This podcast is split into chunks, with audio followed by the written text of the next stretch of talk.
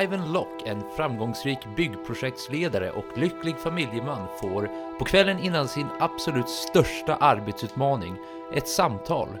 Ett samtal som omkullkastar hela det liv han tidigare så noggrant har strukturerat. Filmen vi ska prata om idag är skriven och regisserad av Steven Knight. I rollerna så ser vi, eller hör vi, bland andra Tom Hardy, Olivia Colman, Ruth Wilson, Andrew Scott, Ben Daniels och Tom Holland. Filmen är en timme och 25 minuter lång, hade en budget på 2 miljoner dollar och har bland annat vunnit Best Screenplay under British Independent Film Awards där också Tom Hardy blev nominerad som Best Actor. Idag ska vi prata om Lock.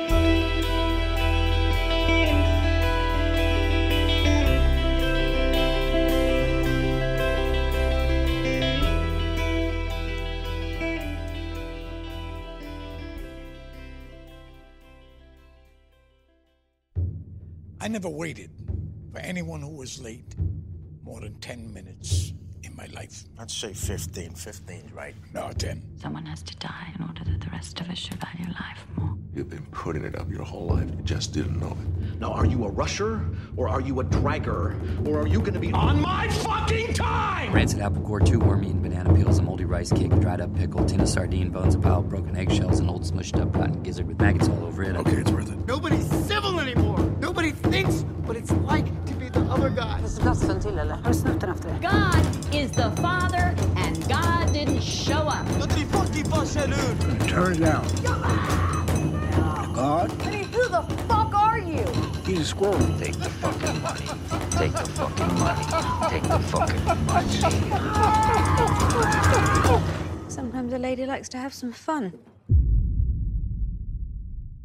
Hallå allihopa och välkomna till ett nytt avsnitt av Spoilervarning! Avsnitt nummer 59 med mig Joel Keskitalo och med konkreta, systematiska och praktiska steg så tar han sig framåt. Vem är du? Benjamin Gabrielsson. Systematiskt Benjamin Gabrielsson. Ja, han håller sitt lugn. Han är med helt enkelt. Ett steg i taget. Hörni, jag måste bara klarlägga det här lite snabbt. Eh, Det här är andra gången det här har hänt, så jag ber om ursäkt för andra gången. Men det skulle ju inte ha varit den här filmen egentligen. Just det. Det skulle ju ha varit I care a lot, men dum som jag är så hade jag ju inte kollat om den ens hade releasats i Sverige. Mm. Men det är mer än så, det är ganska sjukt för den är releasad på jättemånga andra länder, Okej. men just förutom då Sverige. Märkligt. Eh, så det går ju att få tag på filmen genom VPN, Ja. men jag vill inte utsätta våra vad heter det, lyssnare för det, alltså behöva krångla med att byta, alltså Mm. jag vet inte hur insatta ni alla är med det. Så jag bestämde mig bara för att vi avvaktar med den och så slänger vi in en annan tills vidare. Och det här var ju en film som blev tipsad då av vår gemensamma vän Sammy. Ja, vad kul! För sanningen är att jag hade inte tänkt att välja den här heller. Nähä? Jag hade tänkt att välja en annan film som jag inte kommer säga nu vilken det är, för jag kommer välja den i framtiden. Men den var ju under samma problem som den tidigare, att Ah. den hade inte släppts i Sverige. Är för färska, så jag hade. Sami med mig och så sa jag, vad ska jag göra? Mm. Och då sa han så här, har du sett den här filmen? Och då sa jag nej. Och då sa han, se den. Och då sa jag okej.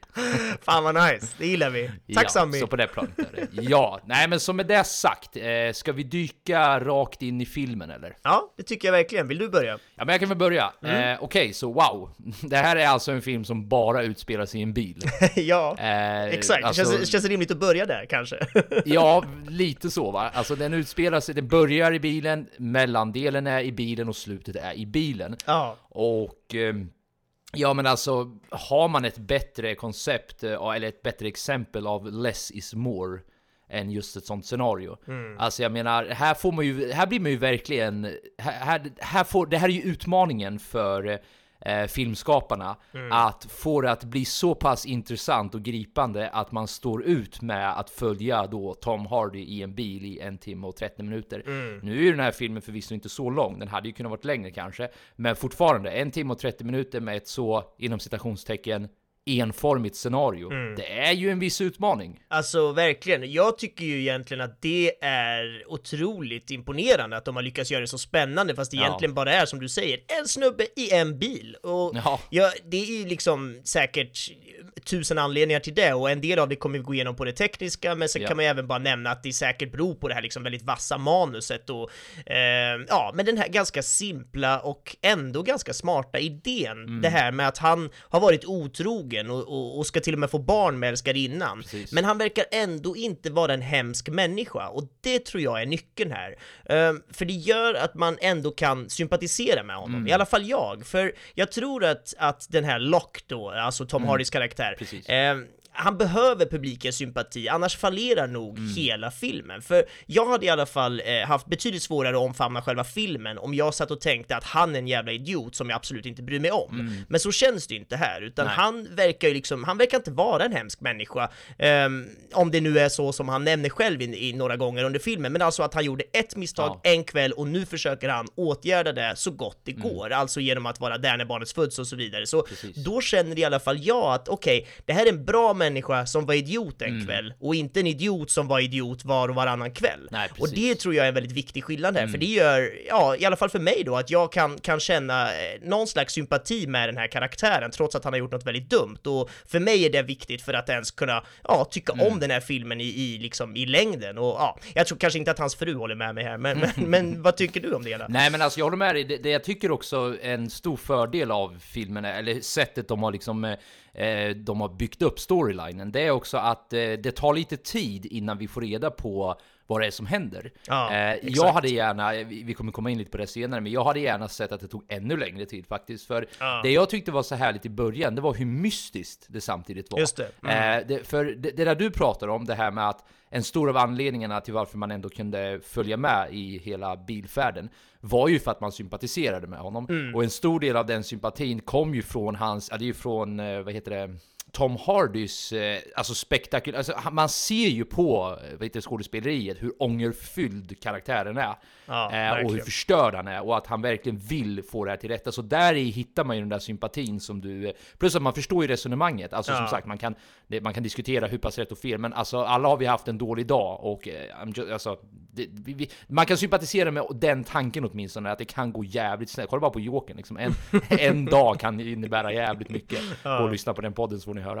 Eh, nej men som sagt, jag tycker också en stor del av det har att göra med mystiken, suspensen där i början. Men man får inte heller kvarglömma det faktumet att han bollar med typ åtta bollar samtidigt.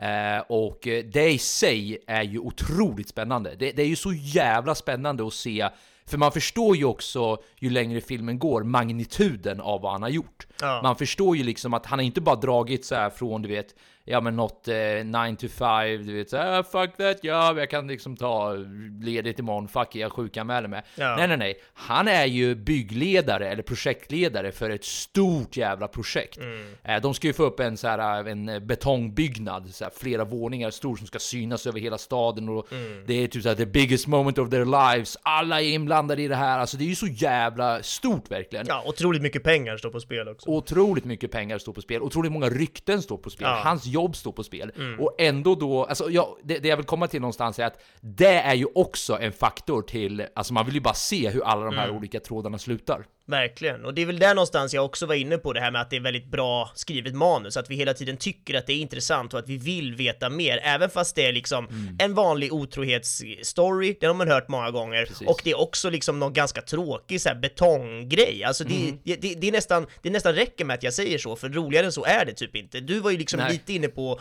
på, ja men du, du hade några liksom lite sexigare kommentarer om det, men liksom det är något höghus som ska byggas, Ja. det är många liter betong som ska pumpas, det är mycket pengar, det är liksom alla de faktorerna. Mm. Men det hade ju egentligen kunnat varit, du vet, ja, han jobbar där, eller han ska, ska göra det där. Det kan ju Mm, precis. vara vad som helst. Nu råkade det vara det här med betongen som, som var någon slags, eh, eh, som var, ja, med kärnan i det hela. Och Ja. jag tycker att det är väldigt smart, för att Mm. det ger oss någon slags Ja men det känns som att han är ganska vanlig då, du vet, Mm. han är bara en dude som jobbar med typ betong och det på Ja. något sätt tar ju, tar ju in oss ännu mer i att det här är en vanlig karaktär, en vanlig person som vi nu Mm. på ett vanligt sätt ska sympatisera med, eller vad man ska säga. Så att det, Mm. nej, jag tycker att det är väldigt smart att de bygger det här storyn, grund, alltså att den grundas på dels problemet med jobbet som är ett ganska vanligt jobb, eh, relativt i alla fall, Ehm, och sen då att det är det här otrohetsproblemet, att det är de två tillsammans, för det hade kunnat varit en av dem, det hade kunnat varit varit två helt andra, men Ja. det är ju de här två i, i liksom kombination här som jag tycker Mm. funkar väldigt bra.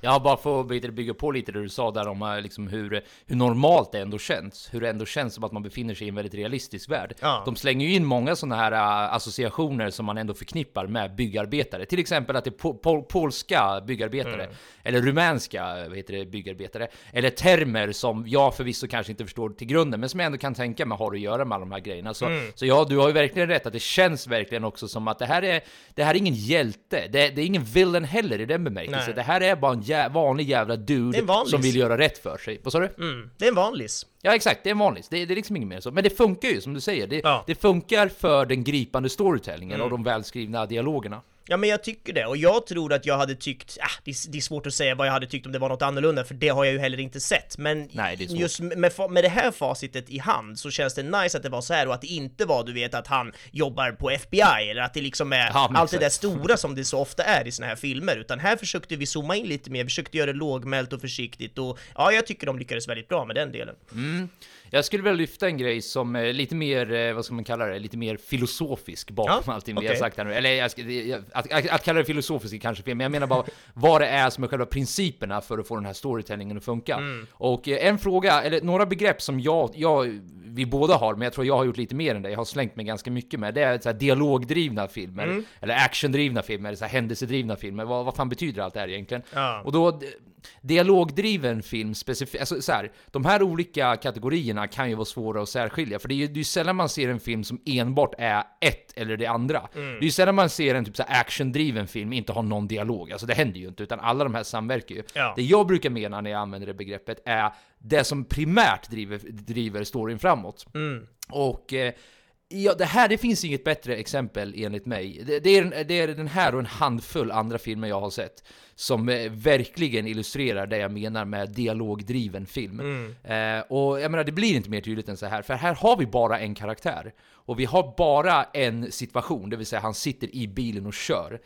Resten av storyn byggs upp genom dialogerna hela tiden. Och anledningen till varför jag gillar den konstformen så jävla mycket, det är att det enda vi hör det är röster och som sagt, det enda vi ser, läser, hör är ju välskrivna dialoger. Men resten byggs ju upp i våra huvuden.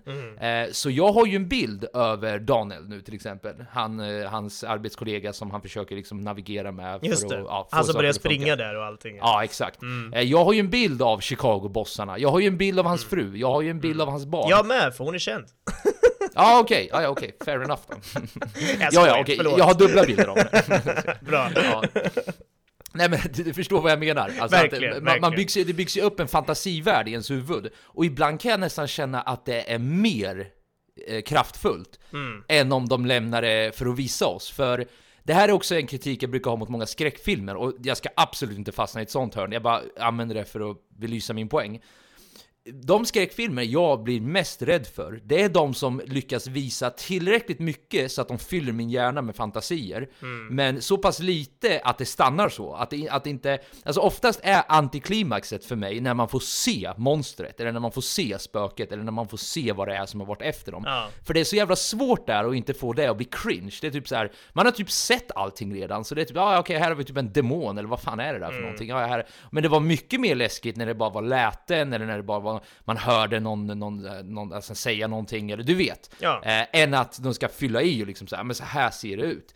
Så point being med allt det här, dialogdrivna filmer har en tendens att kunna vara jävligt kraftfulla om dialogerna är eh, ja, men välskrivna, I guess. Och i det här fallet, eftersom vi har pratat väldigt mycket om det, så var de ju det. Och jag tror som sagt att styrkan ligger i att det är väldigt vardagliga dialoger. Det finns ju filmer Typ som den där My Dinner with Andre, kommer du ihåg att du och jag såg den Just en gång med mm. Babak för väldigt länge sedan?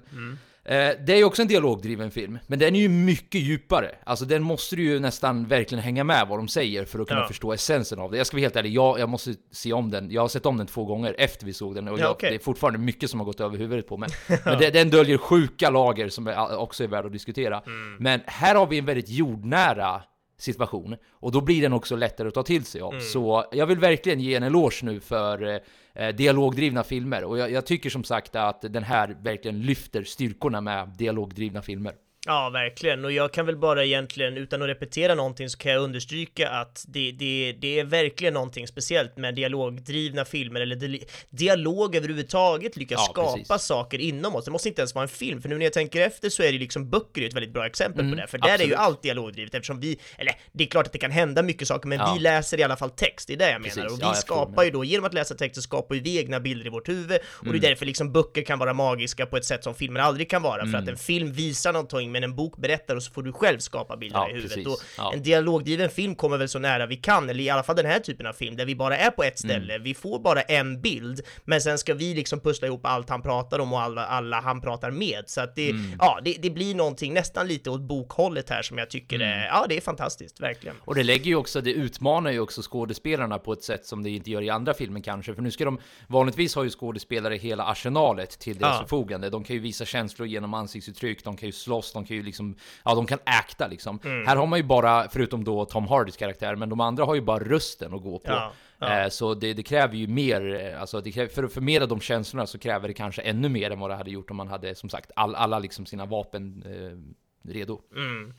En, eh, en grej jag tänkte på här med det här Mm. med de olika personerna han pratar med. Ehm, en av personerna som, som är död är ju den här pappan då. Mm. Ehm, och jag vet inte riktigt hur jag känner kring, kring liksom de scenerna, eller när han väl pratar med honom. För Mm. jag kan tycka att det är liksom Lite ja, cringe att det lite, ja, lite cringe och lite Ja. sådär övertydligt eller överdrivet kanske, jag vet inte. Mm. Men alltså att han, han, du vet, att han har de här seriösa samtalen med pappan som obviously inte är där, men ehm, ja, det ger ju samtidigt en, en liksom inblick i den Mm. relationen och det ger oss förståelse för beslutet han tar här med att ens åka till den här förlossningen och så vidare. Så Mm. jag köper nog det också, även om just de scenerna kanske inte var de jag gillar mest. Nej. Men jag är lite sådär ambivalent till hela Mm. den, ja men till hela de, det konceptet med de pappa-prata-scenerna. Ja. Va, vad känner du?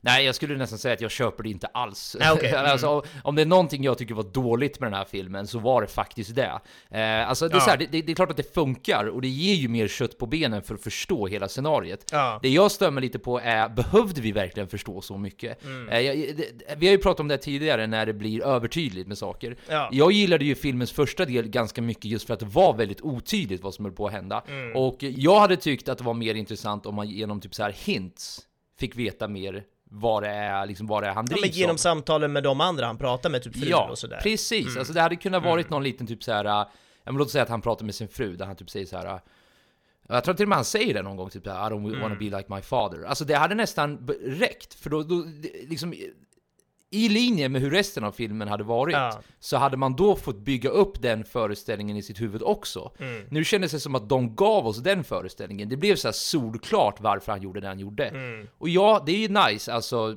alltså på ett plan, för ja, då vet vi. Men det hade varit mycket roligare tror jag att få lista ut det själv och typ såhär, ah shit, är det därför han gör det? Eller gillar han kanske den här tjejen mycket och inte riktigt säger det? Nu blev det ganska tydligt att nej, han gör det här för att han inte vill följa sin farsas spår, han Mm. vill göra rätt för sig. Alla de här är jättefina grejer och det är ju liksom grymt att han gör det. Men ur ett storytelling-perspektiv så hade jag tyckt det var mer intressant om Alltså för det finns en annan faktor i det här också, hur ofta pratar man på det sättet? Mm. Alltså så här, folk kanske gör det, men jag tycker det tog då ifrån lite av den här ganska seriösa undertonen, eller ganska Ja. trovärdiga undertonen. Verkligen, och, och just det här med att de också filmar det lite som att han sitter där Ja. bak i baksätet. Du vet, det, det var som att de verkligen tryckte på att nu sitter spöket Ja, där. precis. Och det var ju liksom inte att han bara satt och tänkte högt, utan han verkligen pratade med sin pappa som faktiskt sitter död i baksätet. Jag vet inte. Precis. Jag tycker också att det gick lite för långt, och jag är nog helt inne på ditt spår att det, här- det, han, det de vill få sagt med de här pappascenerna hade man nog lika gärna kunnat fått sagt med liksom några meningsutbyten med de här andra liksom riktiga levande karaktärerna. Så att det, ja,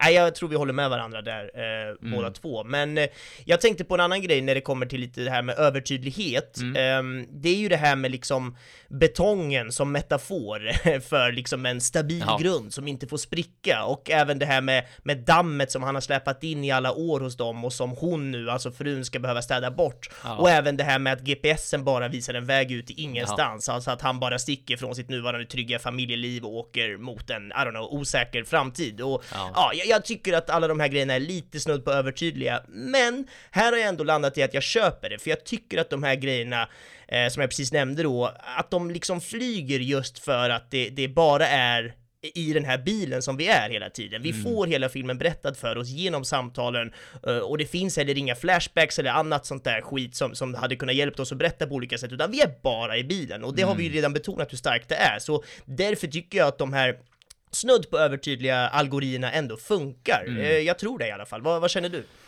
Hmm. Ja, du sa någonting intressant där som jag faktiskt inte riktigt hade tänkt på tidigare. För jag, jag var annars lite inne på att jag också tycker att det är lite över... Alltså jag gillar inte det, det blir- jag, gillar att få fundera själv vad alla de här grejerna kan betyda. Ja. Det blev väldigt tydligt så att ja, vi förstår den metaforen. Ja, vi förstår den metaforen. Ja, vi förstår den metaforen. Mm.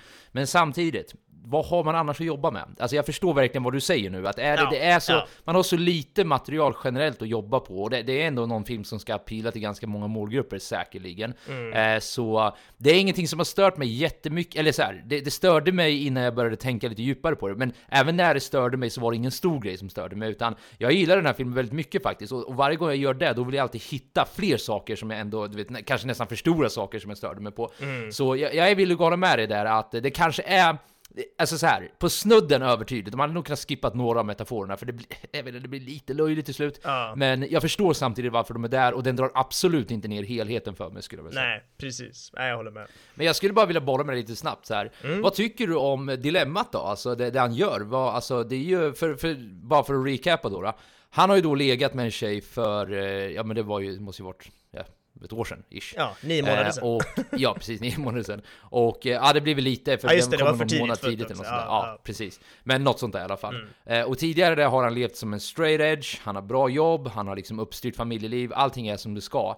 Han Alla är att väldigt kasta- förvånade över det som har hänt. Exakt, ja, ja. Men han väljer ju också att kasta bort allt det där, eventuellt då, då eh, bara över en kväll. Mm. Eh, så jag vill bara höra lite, vad, vad tycker du om det? det, det liksom, hur hade du gjort? Eller spontant?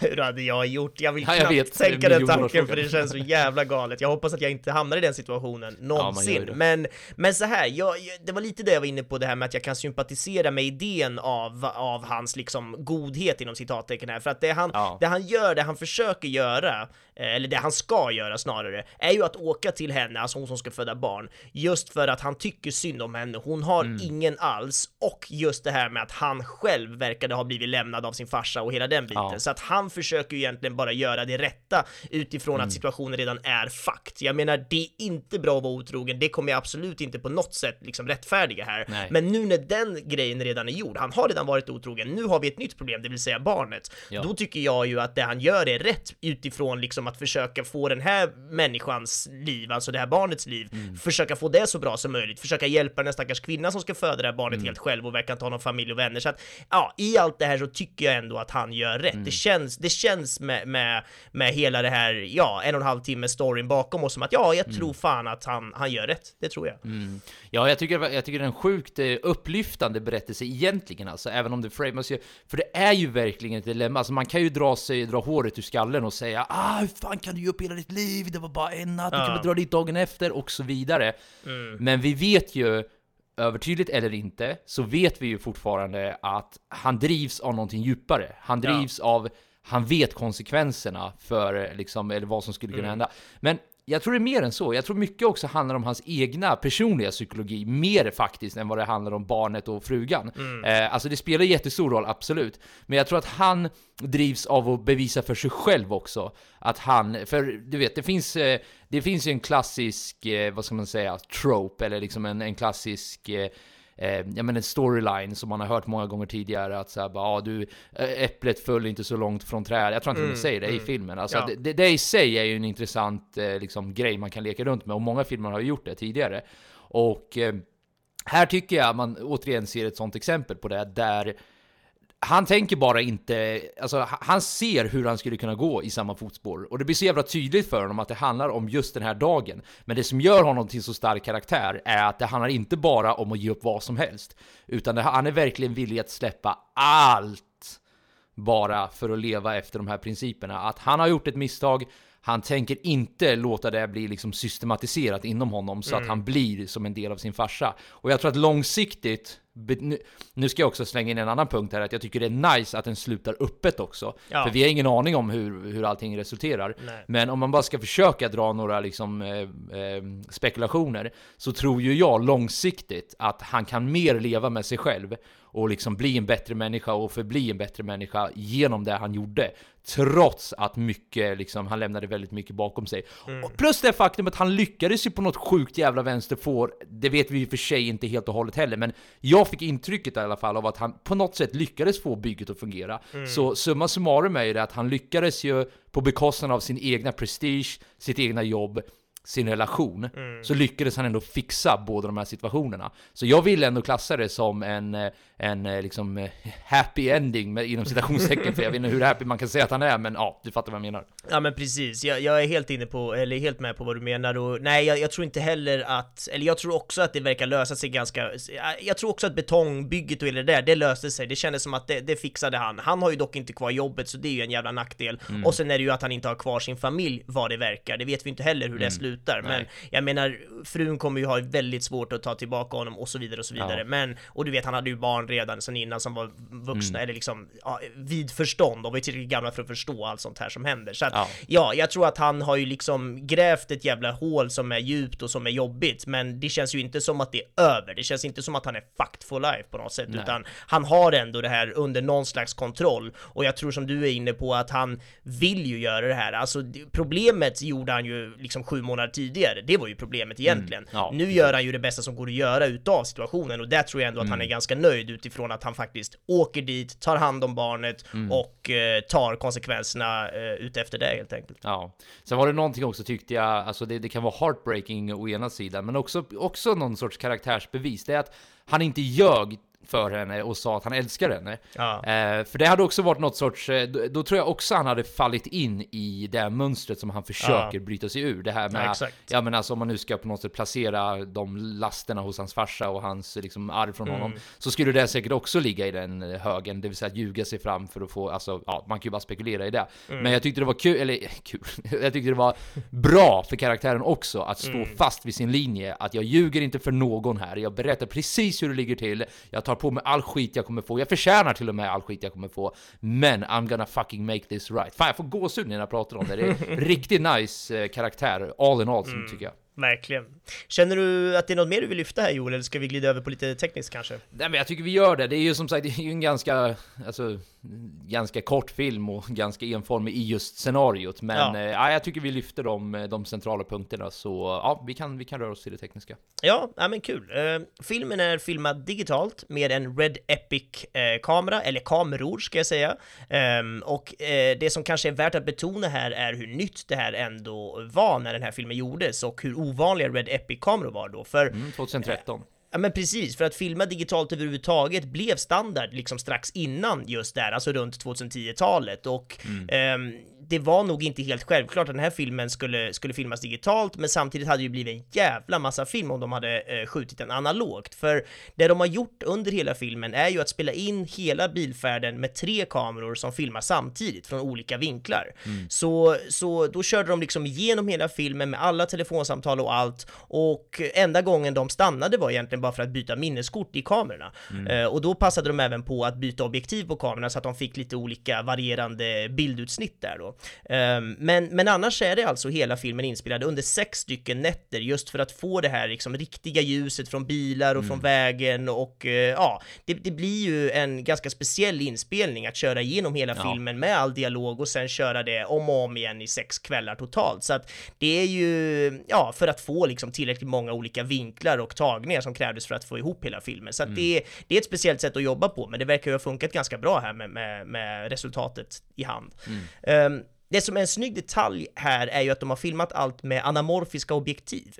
Och sådana har vi pratat om förut här i podden. Eh, men det är alltså objektiv med ett speciellt rundat glas, vilket ger eh, det här extremt breda widescreen-formatet. Och det ger även en liten vignettering och distorsion ute i kanterna på bilden som blir väldigt snyggt i just en bilfilm där, där ja, som, som det här verkligen är. Hela filmen är ju exakt eh, i en bil. Ja. Ehm, men det här är inget som, som, som märks sådär avsevärt mycket i just den här filmen eftersom allt utspelar sig på, på en så begränsad yta. Men det som anamorfiska objektiv också ger ifrån sig är en väldigt speciell karaktär på alla ljuskällor och flares som syns i bild. Mm. Flares kallas det alltså eh, för när, när ljus studsar in i objektivet på kamera, kameran, eh, vilket då ger ifrån sig en viss typ av cirkulär och eller linjär typ av mönster som alltså blir otroligt effektfullt. Mm. Vissa tycker att sådana här flares är fult och tycker att det, det kan förstöra hela känslan som de vill förmedla med, med en bild eller med en scen. Eh, men många tycker liksom ofta att det är jävligt snyggt och att det är istället mm. kan tillföra något till bilden. Och Anamorfiska objektiv ger dessutom ifrån sig ovala bookcase och bokeh eller bokeh eller bookie eller hur fan man uttalar det för jag har hört så många olika varianter på just ja. det här ordet men det innebär i alla fall att alla ljuskällor som syns ur fokus, alltså alla ljuskällor som är suddiga i bakgrunden, de blir alltså ovala istället för runda, vilket är en sjukt snygg detalj för alla filmnerds. Men det är inte heller bara liksom skitsnyggt tekniskt estetiskt godis, utan i just den här filmen blir det så många sådana här ovala och lysande klot i bakgrunden. Mm. Eh, så det hjälper oss i publiken att liksom fortsätta vara intresserade. Det blir liksom en vacker ljusshow som pågår i bakgrunden, vilket bidrar starkt till att den här filmen aldrig känns tråkig, trots att det bara är en snubbe i en bil i en och en halv timme. Mm. Um, det de dessutom har gjort som är väldigt spännande är att de har valt att jobba med dubbelexponeringar och ibland kanske till och med trippel, men det innebär i alla fall att man i postproduktionen, alltså efter man har spelat in allting, lägger man två bilder över varandra. Så vi har alltså först en bild på Tom Hardy som sitter och kör Um, och sen så lägger man på ännu en bild ovanpå där det mest bara är såna här flares då och ovala bouquet som flyger omkring. Mm. Uh, och det här blir väldigt effektfullt, dels för att det är snyggt och liksom intressant att titta på. Det ger liksom liv i den här annars väldigt enformiga filmen, men också för att det ger oss en stark känsla av hur Tom Hardys karaktär har det med allt kaos och, och allt mm. liksom som går igenom, ja, som, som han går igenom i hans huvud och sådär. För det är faktiskt inte förrän han har berättat för frun om hela den här situationen, alltså med otroheten och barnet som ska födas och allt. Mm. Det är först då som de gör det här med dubbelexponeringar första gången. Och det här med dubbelexponeringar är inte supervanligt i film, eller alltså det, det, är klart att det används, men det används ofta med en väldigt tydlig agenda. Det kan till exempel vara när det är liksom ett resemontage och vi ska förstå att tid går mm. eh, och att någon reser långt. Då kan vi exempelvis få se, du vet, en bild på en karta som fylls i samtidigt som vi ser närbilder på själva planet som, som flyger. Ja, typiska Indiana Jones Ja, det var liksom, precis scen. jag tänkte på. Ja, det är, det är det jag har också i mitt huvud.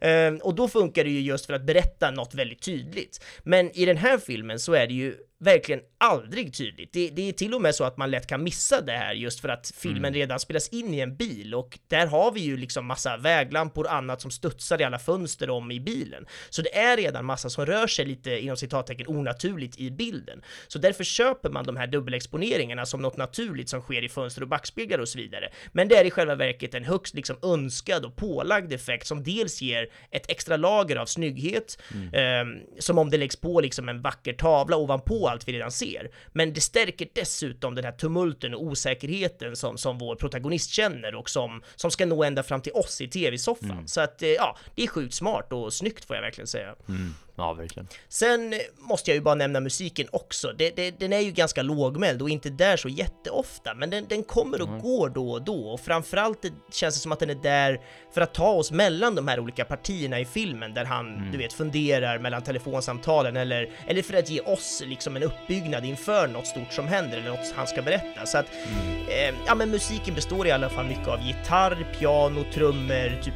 elgitarr och kanske lite syntar. Men hur som helst så är den liksom ganska rock rockig musik som ändå är lågmäld och försiktig. Den hjälper oss att, att bearbeta allt som sägs snarare än att den själv försöker säga något. Mm. Och det tycker jag de har lyckats jävligt bra med. Liksom sjukt snygg och funktionell musik som, som verkligen gör, ja, men gör jobbet väldigt bra på det lilla, lilla den är med helt enkelt. Så att, ja, det gillade jag verkligen. Mm.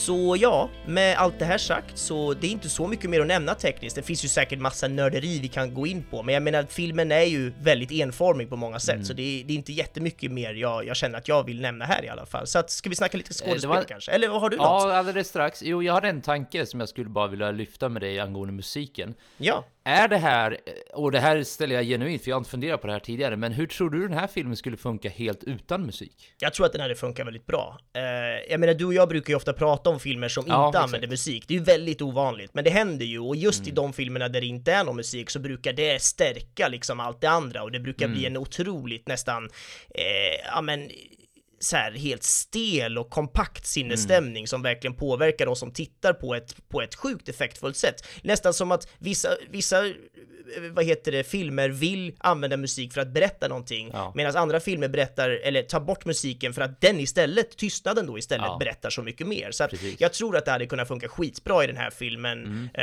men jag tror samtidigt att de är lite rädda för att den redan är så enformig, den redan är i en Mm, bil. Ska vi sant. dessutom inte ha någon musik, då blir den kanske lite för svår. Jag tänker att de, Ja. de ville väl ändå försöka lyfta det så mycket det gick utan att lämna det här ko- komplexa liksom Mm. bilscensituationen. Ja, ja men säkert. Nej, för, för vi brukar ju annars eh, prata om, ja, som du precis sa, vad heter det, filmer som inte använder sig av musik. Ja. Eh, och eh, då, då brukar jag fundera ibland på vilka filmer är det som det funkar bra i och hur bra funkar det? Mm. Men jag tror det ligger lite i linje med den, lite av kanske den här allmänna kritiken vi också har med att den också var lite tydlig ibland att Ja. du och jag specifikt kanske hade önskat lite mer av det här Mm. och du och jag kanske också hade önskat eh, för, för det jag tänker i den här filmens fall om den inte skulle använda musik. Mm. Det jag tror skulle vara fördelen då är att vi verkligen skulle kunna få steppa in i hur Tom Hardys karaktär eh, Ivan Locke upplever allt det här. Mm. För jag kan tänka mig att, ja, att bara höra andra bilar och bara höra bilen åka och bara höra telefonen ringa. Mm. Att det i sig är en massiv stressfaktor för Tom Hardy. Och skulle vi bara få tagit del av den, då tror jag också vi hade vaggats in i samma stressfaktor. Kanske. Mm. Det var bara en tanke jag ville vädra nu när du pratade lite om musik. För den, den var ju inte,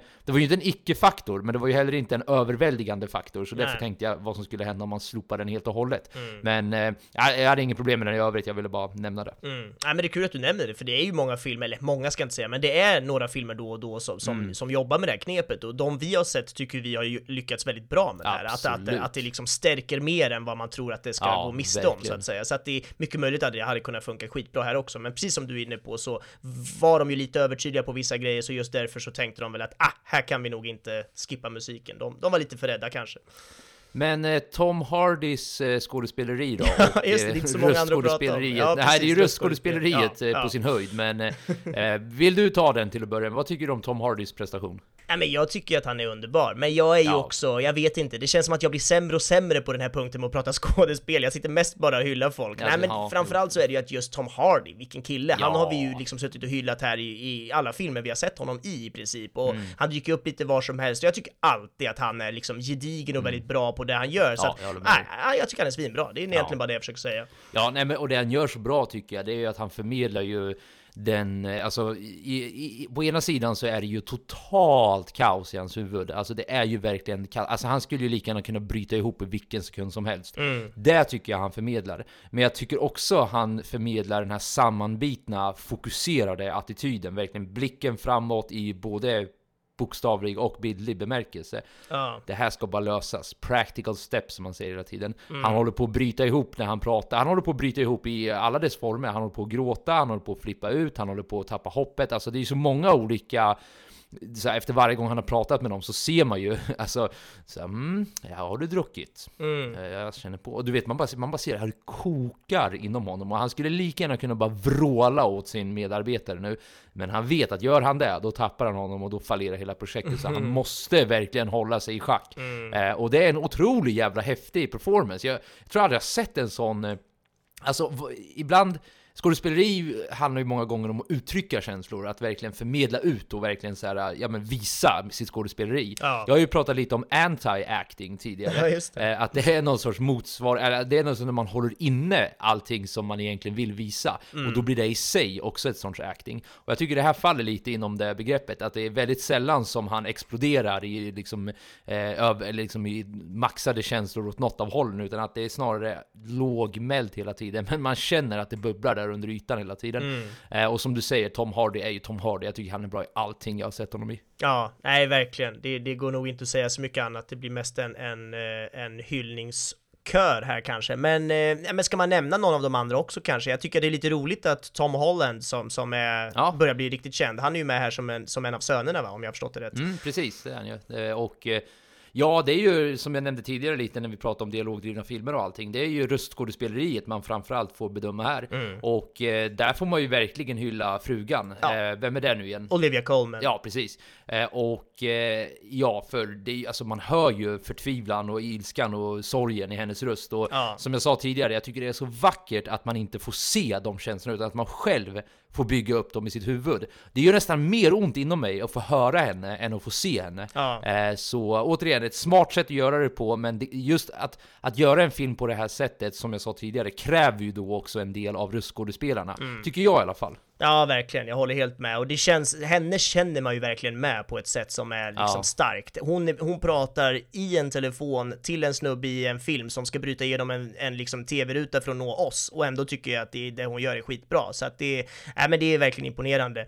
Ehm, jag tycker det var roligt nu bara när jag, när jag tog upp IMDB här och scrollade lite att Andrew Scott Mm. spelar ju den här kollegan. Du vet han som vi tycker så mycket om från Sherlock-serien, han som spelar Moriarty är det väl? Ja, just det, det gör han ju för fan. Det är roligt. Det Ja. hade jag svårt att ta på bara rösten, men det, det, Ja. nu, nu när man vet det så känner man, ja, ja, det var fan han. Ja, I can totally see that. Ja. Ja, verkligen. Sen tycker jag hon Ruth Wilson, henne känner jag också igen, eh, har ju Mm. sett i massa grejer när man tänker efter, men eh, ja, det, jag tycker nästan att hon har för lite, alltså det är svårt att bedöma på det lilla hon gör, att jag ska känna att oj, det var Ja, jättebra är eller jättedåligt. Alltså hon gör det ju bra såklart, men det, är- det Mm. är för lite för att jag ens ska liksom sitta här och värdera någonting på riktigt. Ja, nej, det vi har ju några som sticker ut mer än andra och de går ju att värdera på ett annat sätt. Men eh, ja, nej, alltså som sagt, ska man jobba med den här typen av storytelling, det vill säga att det är röster vi kommer få höra i princip hela tiden, då kräver ju det som sagt extra mycket och ja, ja, jag tycker de levererar det skitbra. Verkligen. Men eh, vad sägs om ett, eh, en liten summering? Och eh, har vi någon det, den här blir svår att hitta en favoritscen. eller, eller för mig var det det i alla fall. Ja, jättesvår, verkligen. Ska vi börja med någon slags summering då? Ja, men absolut. Nej, men eh, som jag var inne på, det, det jag tyckte lyfte den här och var min absoluta favoritaspekt var det att den, det, det är en mer eller mindre helt dialogdriven film med ett eh, jävligt gripande scenario och en top notch performance från eh, Tom Hardy. Mm. Nej, jag kan ju bara instämma. Det, det, jag kan, det jag kan lägga till är ju de här små liksom, tekniska detaljerna med de här anamorfiska Mm. objektiven, de här härliga flaresen som jag sitter och njuter av rent visuellt. Så att, nej men annars så håller jag med. Det är otroligt. Jag är verkligen förvånad över hur mycket de kan få mig att tänka och känna på, på liksom så lite, så liten spelyta. Det är liksom i en bil med en karaktär och det räcker för att vi ska känna, eller att jag ska känna så mycket som jag gjorde. Så att jag är väldigt imponerad. Eh, min eh, favoritscen, om man nu kan kalla det scen, mitt favoritutdrag i alla fall, mitt favoritdialogutbyte, det var, det var mot slutet av filmen när eh, Tom Hardys karaktär då pratar med en av sina bossar. Det, det var inte så här Chicago-bossarna, men en av dem som, Mm. ja, som han liksom jag kommer inte ihåg vad han hette, fan kan jag glömma bort vad han hette? Det var han som ringde sex gånger till Donald, ja, ni, ni vet vem jag Ja, pratar om i alla fall. Var det Gareth? Eller? Ja, precis, Garrett ja. Mm. Eh, när, när Garrett säger till honom typ så här, I threw up you know, så här, och han bara hmm, let me tell you what happened to me så här. When I left work this evening, I had a job, I had a wife, I had a home. And now I have none of those things. Alltså, återigen, jag tycker det där, det där blir så här crescendot nästan av Mm. hela filmen. Det där blir climaxet av allting. Att han har, alltså han har kommit till insikt och accepterat på ett plan hur det ligger till.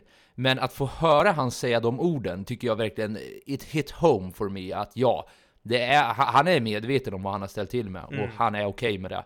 Eh, men de, den, just den delen tyckte jag var lite extra stark. Mm. Nej men det är kul. Jag, jag vill bara passa på att flika in en grej i det här, Mm. för du näm- i det här som du liksom, citatet eller halvcitatet som du läste upp, då, Ja. då är det någonting med att ha- han säger att han har spytt redan eller något sånt. Ja, precis. Eh, och det är någon annan, jag tror att det är frugan som också nämner att hon spyr eller någonting. Mm. Och jag vill bara ifrågasätta det här med att folk ska spy i film när Ja. de får höra så bad news. Har det någonsin hänt? Jag vet inte, jag är inte en sån som spyr av bad news, men det känns som Nej. att jämt i filmer så är det så fort någon får veta att, ja men du vet, min moster kan inte gå på begravning, äh, så ska de typ spy. Man bara what? Kom igen! Det är så här, jag förstår om du ser ett lik eller om du liksom är bakis, eller det, det finns massa anledningar till att man kan spy, Mm. men i filmer så tycker jag alltid att folk spyr så fort de får liksom bad news. det är det så det går till? Jag vet inte. Alltså, i, i, Ja, här såg vi det inte ens, vi fick bara höra om det och ändå störde jag mig på det. Ja, Alltså, I det här fallet kan jag faktiskt se, men alltså, så, så jag håller med dig att det är en väldigt överanvänd trope det också. Ja. Eh, och bara för någon sorts effektsökande, att Ja. ah shit, titta Det ser ju hur, coolt ut, så det är väl därför de använder det precis. mycket i Och det är film, typ såhär, ah, kolla vilken, vilken stor grej jag spydde, då vet man att så här, det, det är Ja, serious. exakt. Men i det här fallet, när det kommer till just vad det var för grejer, att eh, han hade varit otrogen mot henne, ja, jag kan se det, Ja. och att hela hans projekt höll på att gå åt helvete. I can sort of see that också. Även om jag kan hålla med dig på ett större plan att Ja. det överanvänds ganska mycket, så i det här fallet var jag faktiskt ganska okej med det. Nej, men jag tror också att det är där jag landar någonstans. Jag är väldigt okej med det, speciellt här eftersom vi inte ens fick se någon av spelorna, vi fick Nej, bara höra om det, så det var ju ännu mer okej. Nej, men jag håller med, det är egentligen en stor grej överlag. Kan folk sluta spy i film utan anledning? Det kan Ja. vi väl bara sluta med. Tack! Hashtag våga sluta spela. Jättelång hashtag, våga sluta spy Ja. i film, tack. Eh, nej men så att, eh, ja men jag har jättesvårt att välja en uh, favoritscen, jag vet inte. Jag, jag vet vad jag gör? Vad jag säger att jag väljer den där scenen när han sitter i bilen. Så, tack. Oj, bra. Då vet vi exakt vilken scen du pratar om. Skitbra Benjamin. Ett av de Eh, tråkigaste valen jag gjort kanske, men så får det bli den här veckan. Det var min favoritscen först, innan jag sen hittade den här andra. Ja, I'm sorry om någon är besviken, men så är det. Det fanns så mycket Ja, starkt. Tom Hardy är min favorit, så. Ja, ja, för fan. Vem, vems... Eh, Tom Hardy är allas våran favoritscen. Nej, men då så. Men eh, då rör vi oss vidare mot lite trivias, tycker jag. Ja, vad roligt. Jag har inte läst något, så det är alltid kul när du ska läsa för mig. Det känns som en liten sagostund vi har Ja. här. Det är mysigt. Ja, men det är en liten trevlig sagostund och eh, de här finns ju då på filmens IMDB-sida och de var jävligt intressanta den här gången så Ja, jag skulle rekommendera att ni går in och kollar på dem. Men jag har valt ut några som jag tyckte stack ut lite extra då. då. Mm. Eh, Okej, så den här BMWn som eh, han satt i då och använde, Mm. eh, den hade en sån här low fuel warning eh, som, eh, ja, som då låter när, eh, ja, när det är low fuel. Mm. Och eh, den gick ju då igång ett par gånger under inspelningen. Och då sa Tom Hardy att det här stör mig så jävla mycket så kan vi inte ta bort det på något sätt. Men Steven Knight då, alltså regissören och vad heter det, manusförfattaren, han tyckte att det i sig är en jävligt bra grej att det påverkar dig på det här sättet. Eftersom det är den känslan vi vill ha, den här, Ja, liksom så här frustration. Så de bytte det till “You have a call waiting” istället. Ah, smart! Vilket vi då fick höra under filmens gång. Verkligen, det är ju skitsmart. Jag menar, det är ändå ett störningsljud som han reagerar på, men hans reaktion behöver ju inte vara just från det ljudet, så de har helt enkelt bara ändrat Precis. ljudet till att han har ett call som kommer, vilket är mer rimligt i Ja. och med att han kör runt och många ringer. Ah, skitsmart! Det var ju jättekul. Ja, och eh, lite på det spåret också hur man kan liksom ändra produktionen utifrån förutsättningarna. Eh, Tom Hardy hade dessutom, han var förkyld under produktionen och eh, då var det samma diskussion där. Ska vi ens ha, ska, ska vi vänta tills han blir frisk eller vad ska vi göra? Men nej, Steven Knight tänkte att det blir ännu bättre. För Ja. det liksom levererar ännu mer känsla av Ja men det är bara att föreställa sig allt det han har varit med om med en förkylning. Ja. Alltså då, då får man ännu mer liksom frustration och det blir också mer method acting. Ja, där, ja. Då, då är det lite av hans riktiga reaktioner. Och även någon slags lager av realism där i det hela liksom. Ja, att det är klart som precis. fan en karaktär kan vara förkyld. Det är väldigt sällan folk är det i en film om inte personen ska dö scenen efter. Men här är det så här, ja han kan bara vara lite förkyld. Kul! Exakt, vilket, exakt. Det, det, det känns väldigt eh, rimligt det också, väldigt trovärdigt. Det är klart han kan vara där. Ja, Liksom. ja, exakt. Eh, och eh, Tom Hardy gick bara med på att göra den här filmen om, det, det, det kanske är lite halvt skämtsamt, jag vet inte, men det står i alla fall att han gick med på att göra den här filmen om Steven Knight var den som skrev Tom Hardys miniserie Taboo från 2017. inte sett eller hört talas om, har du? Nej, jag tror inte heller det, men det är jätteroligt att han gör någon slags deal där, för det är, det är kul. Steven Knight är alltså han som har regisserat och skrivit den här filmen, så att då Ja, sa han, ja, kul, smart. Och- Och utnyttja sina små krafter man kan ha. Och ännu mer då på hur eh, Steven Knight eh, verkar vilja arbeta med sina, vad heter det, eh, skådespelare. Det är att eh, när de här olika skådespelarna då skulle ringa, eller ja, spela in deras olika dialoger, då de visste ju vad de skulle säga och sådär.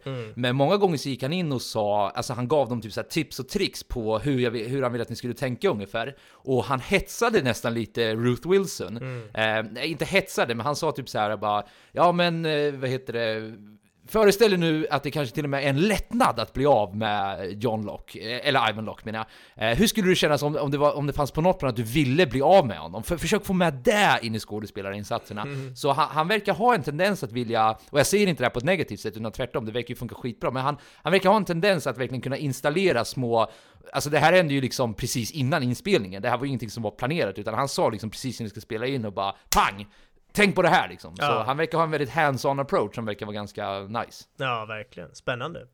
Eh, registreringsskylten eh, som eh, vad heter det, är på eh, Tom Hardys karaktärs bil är Adios. Eh, vad heter det, vilket då är en av de här kanske övertydliga sakerna som vi har pratat om. Men... Just den grejen har jag faktiskt inte märke till. Men vad Nej, står det klart och tydligt adios? Eller vad Nej, det står det är en siffer och bokstavskombination, men Okej. det, tanken Steven Knight hade var att det skulle vara en subliminal liten priming över att han säger adjö till jättemycket, adios betyder ju hej då Ja, liksom, ja. att han då säger adjö till sitt tidigare liv i princip. Mm. Sure, det köper jag. Det var ja, enligt mig den minst övertydliga grejen. Och om ni vill ha en phone eh, så här, counter så eh, han fick eh, 36, eh, vad heter det, phone calls. Eh, 13 stycken var sådana han ringde, 21 stycken var sådana som kom in, ett ignorerade han och ett gick till voicemail. Och åtminstone hälften av alla samtal eh, slutade med att någon la, la på luren på honom eller så la han på luren på någon annan. bra, då vet man att det går bra. Och en sista då, då. Men som sagt, jag rekommenderar verkligen att ni går in på filmens IMDB och letar upp de här, för de, de är riktigt roliga. Ja, kul. Men eh, enligt eh, producenten då, då, Guy Healy, så, var det, så ville Steven Knight bara ha Tom Hardy Mm. eh, för den här rollen då, då. Och det var för en väldigt specifik anledning som vi har rört på lite nu under podden. Att det hade att göra med att han såg honom som den enda som kunde hålla publikens intresse i en timme och 30 minuter. Och det får man väl ändå säga att han hade rätt i. Verkligen! Jag tycker att eh, de har lyckats perfekt. Det har ju vi precis, precis suttit och hyllat här också hur de har lyckats bra med det. Och ja, absolut Mm. att de har det är en stor förtjänst. Eh, Ja, verkligen. Ja, men jag, jag måste säga att jag, jag gillar han Steven Knight mer och mer, för det finns, det finns fler i den här uh, trivian som har med Steven Knight att göra. Jag tycker han verkar, jag vet inte, det var kul att läsa om liksom, hur hans, hans approach lite. Ja, men vad roligt. Men, eh, det var de jag hade, och för tredje gången, hemskt gärna, gå in och kolla på de här, de var jävligt roliga. Ja, vi länkar ju dem i Facebookgruppen också, så där kan ni hitta dem Precis. lite enklare om ni vill. Spoilervarning heter vi där. Men eh, då är vi ju nästan, eh, då har ju vi snart eh, kommit fram till vår destination. Men berätta, vad, vad har vi att se fram emot i nästa avsnitt? Ja, nästa avsnitt kommer att handla om filmen The Dig som kom 2021. Det är alltså en sprillans ny film och den finns på Netflix så ni kan andas ut allihopa. Den går att få tag på. Uh, nej men The Dig, är det någonting du har hört talas om? Ja, och jag är så glad att du valde den här, Ja. för jag vill hemskt gärna se den. Men Ja, jag vet väldigt lite om den, men jag vet att jag vill jättegärna se den här, så sjukt nice att du valde den. Ja men vad roligt, kul! Eh, ja, finns på Netflix. Jag vill, jag, vill, jag vill ju direkt nu börja pitcha och börja berätta saker, Ja. men det är väl bättre att jag inte gör det. In och kolla på den bara. Så alltså, jag, jag tror inte ni kommer bli besvikna om man säger så. Men eh, om folk vill lyssna på oss, Benjamin, vad fan gör de då?